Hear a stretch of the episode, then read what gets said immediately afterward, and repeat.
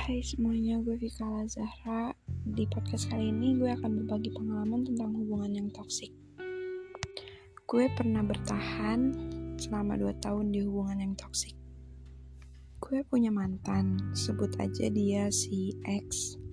Nah, si X ini awalnya nge-treat gue bener-bener yang treat like a queen. Gue ke mana-mana jemput, selalu inisiatif beliin gue barang, berangkat sekolah dianterin sama dia pulang sekolah dianterin juga sama dia.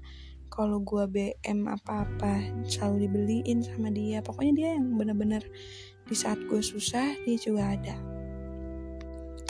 Tapi lama kelamaan dia itu sifatnya berubah. Bener-bener yang menurut gue tuh kayak bukan dia.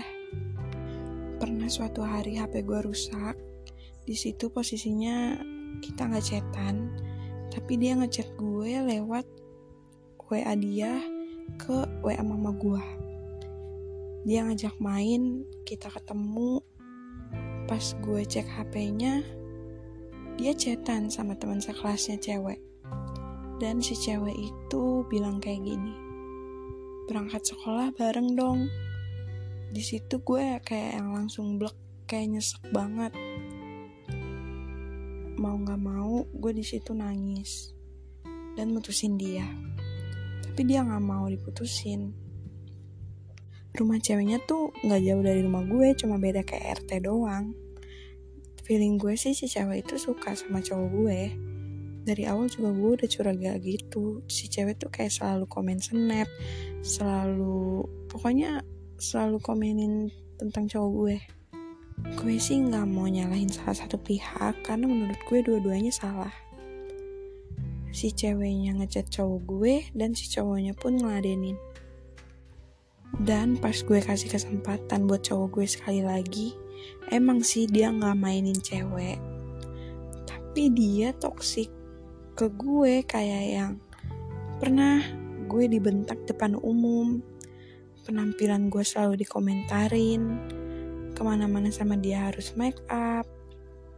Terus pernah juga dia malu pas main bawa adik gue.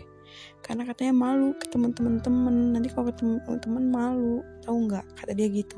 Kalau mau main ngajak adik tuh malam aja biar nggak kelihatan temen katanya gitu.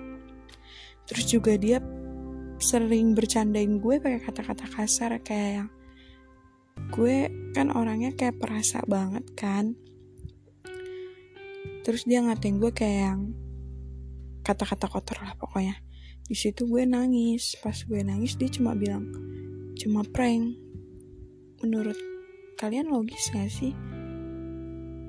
Prank kayak gitu prank. Menurut gue tuh kayak yang sakit banget. You know lah cewek kalau digituin gimana. Sampai sekarang gue belum bisa nerima siapa pun buat datang ke kehidupan gue. Karena endingnya bakal sama aja buat cewek-cewek di luar sana lebih hati-hati ya dalam memilih cowok. Karena yang nge-treat lo like a queen di awal itu bakalan jadi yang paling brengsek di akhir. Mending buat kalian nikmatin masa muda kalian yang bermanfaat deh. Buat kalau buat ke tentang cowok terus yang ada nyakitin perasaan kalian sendiri buang-buang waktu